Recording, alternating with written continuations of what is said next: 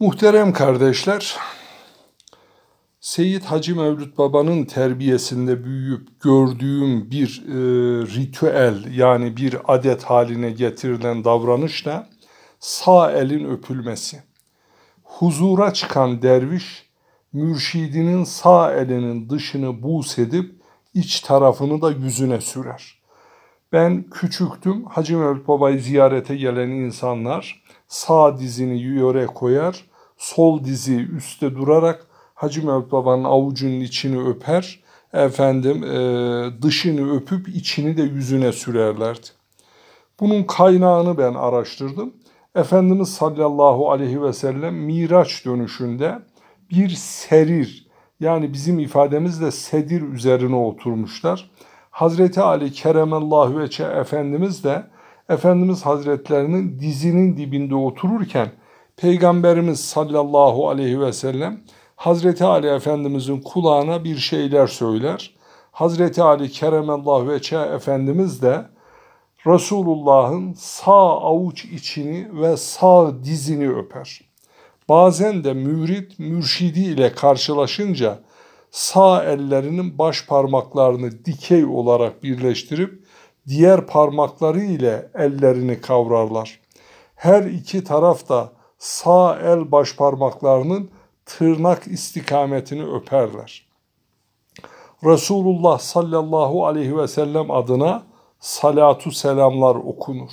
Hazreti Ebu Bekir radıyallahu anh'tan hatta Hazreti Adem aleyhisselamdan beri akıp gelen bu gelenek karşılıklı baş parmakların tırnakları üzeri öpülerek devam etmektedir. Resul-i Ekrem Efendimiz Muharrem ayının 10. günü Mescid-i Nebeviye'ye teşrif eder. Hazreti Ebu Bekri Sıddık'ın hizasına oturur. Peygamber müezzini Bilal-i Habeş büyük bir huşu içinde ezanı okumaya başlar.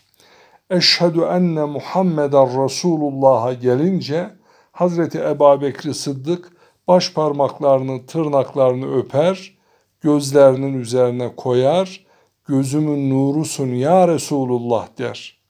Hazreti Bilal radıyallahu anh ezanı bitirince Peygamberimiz sallallahu aleyhi ve sellem Hazreti Ebu Bekri Sıddık'a döner ve buyurur ki kim senin yaptığını yaparsa Allah onun ister yeni ister geçmiş ister kasıtlı ister hatalı olsun bütün günahlarını bağışlar müjdesini verir. Bu ne büyük müjdedir, ne büyük lütuftur. Ama bunu küçümseyip yapmayanlar bu lütuften mahrum olanlardır. Hazreti Adem cennetteyken Resul-i Kibriya Efendimizle buluşmayı arzu eder. Cenab-ı Hak kendisine o senin sülbündendir ve ahir zamanda ortaya çıkacaktır diye Hazreti Adem'e ilham eder. Ona parmaklarının üzerinde Hazreti Muhammed Mustafa sallallahu aleyhi ve sellemin yüzünü gösterir. Hazreti Adem aleyhisselam aynada görür gibi Cenab-ı Peygamber Efendimizin cemalini görür.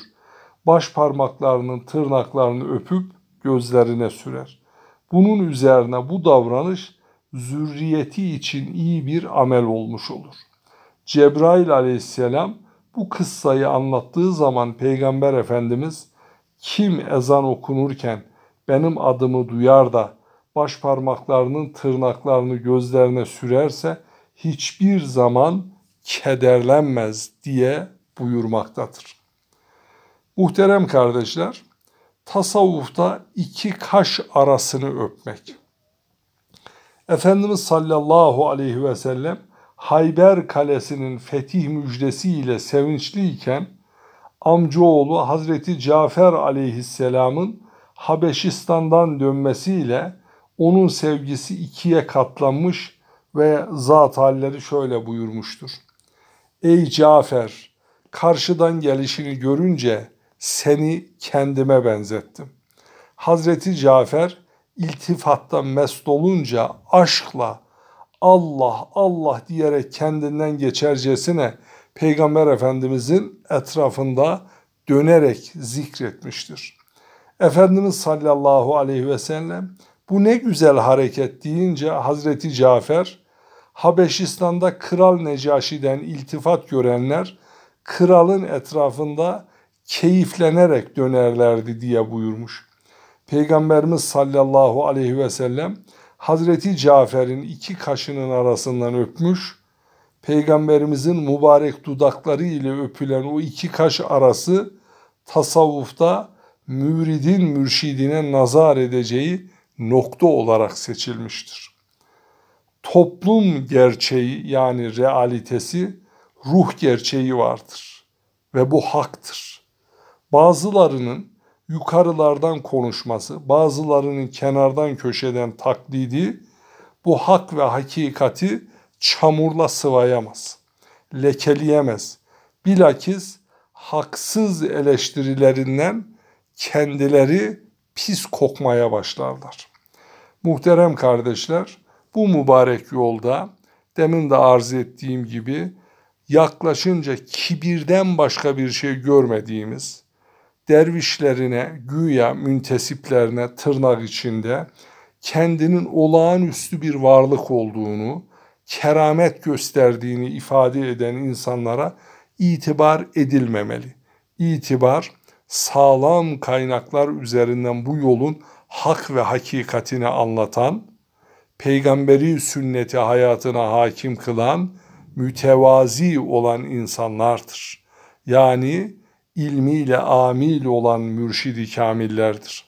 Onun dışındaki nesnel olmayan yani herkes tarafından kabul edilmeyen kendince öznel bazı insanları yani bir kenara çekerek onların iradelerine tahakküm edenlere itibar edilmemelidir. Dervişlerin oturması Rufai tarikatında huzura çıkan derviş dergahta boş olan orta bir yere diz üzere oturur. Bu oturuşun şekli aynı zamanda ibadet oturuşudur. Zira İslam ahlakı ile her oturuşun bir manası vardır. Cibril hadisiyle bu ortaya çıkmıştır. Yeri gelmişken zikretmekte de fayda olacaktır inşallah. Bağdaş oturuşuna sohbet oturuşu, sol ayak alta alınıp sağ ayağı dikerek oturuşa yemek oturuşu diyoruz. Bunun dışında kalan iki ayağı dikerek oturuş biz mutasavvıflar için, tasavvufa gönül verenler için zemmedilen, aşağılanan bir oturuş şeklidir. Peygamber Efendimizin tabiriyle köpek oturuşudur. Bizim meclislerimizde telin edilir, kınanır diye buyuruyorlar. Evet, Rufailerin farkı için diyelim ki muhterem kardeşler, İslam tasavvufu mensup olduğu dinin kaynaklarından beslenir. Kanun koyucu Allah'tır, tebliğ edici ise Hazreti Resul-i Zişan Efendimiz'dir. Tüm tarikatlarda temel ibadetler bu manada aynıdır. Rufail'in diğerlerinden farkı ise Seyyid Ahmed Rufai Hazretlerinin şahsında cereyan eden harikulade haller ve onun dehası ile beyanların özünden süzülen hikmetlerdir. Hazreti Resulullah'ın mübarek yedi beyzası öpülürken Seyyid Ahmed Rufai Hazretlerine yapılan Ey Ahmet minbere çık vaaz ve nasihat et. Siyah kisve giyin. Cenab-ı Hak göklerin ve yerin şakirtlerini seninle faydalanacaktır. Tembihi üzerine ateş, şiş gibi burhanların yapılması, zikirlerin yalnızken hafi, toplulukta cehri olarak icra edilmesi, rufai yolunun nev'i şahsına münhasır özelliklerindendir. Muhteremler, bu ateş şiş burhanı bir zamanlar yapılıyordu merhum Hacı Mevlüt Baba'nın en son görüntüsü olan yerde de Salih abinin teşviki ile ben Hacı Mevlüt Baba'ya ısrar ettim. Israr ettiğim için de nedamet duydum. Zat halleri bunun yerine istikamet üzere bir hayatı ama Rufai tarikatında bunu biz kanun koymadık. Seyyidimiz zamanında ta konulmuş, yapılmış. Bugün biz onun yerine e, önce sağlam kaynaklar üzerinden bilgi sahibi olmak, onları anlamak, peygamberi bir tebliğ üzere müntesiplerine anlatmak, hayatına hakim kılıp en iyi temsilcisi olmayı en büyük keramet olarak, istikamet olarak adlediyoruz. Evet, burada en önemli fark Seyyid Ahmet Rufai Hazretleri vahdeti vücut nazariyesine karşı vahdeti şuhut nazariyesini savunmasıdır. Yani yaratılan her varlık Allah'ın eseridir.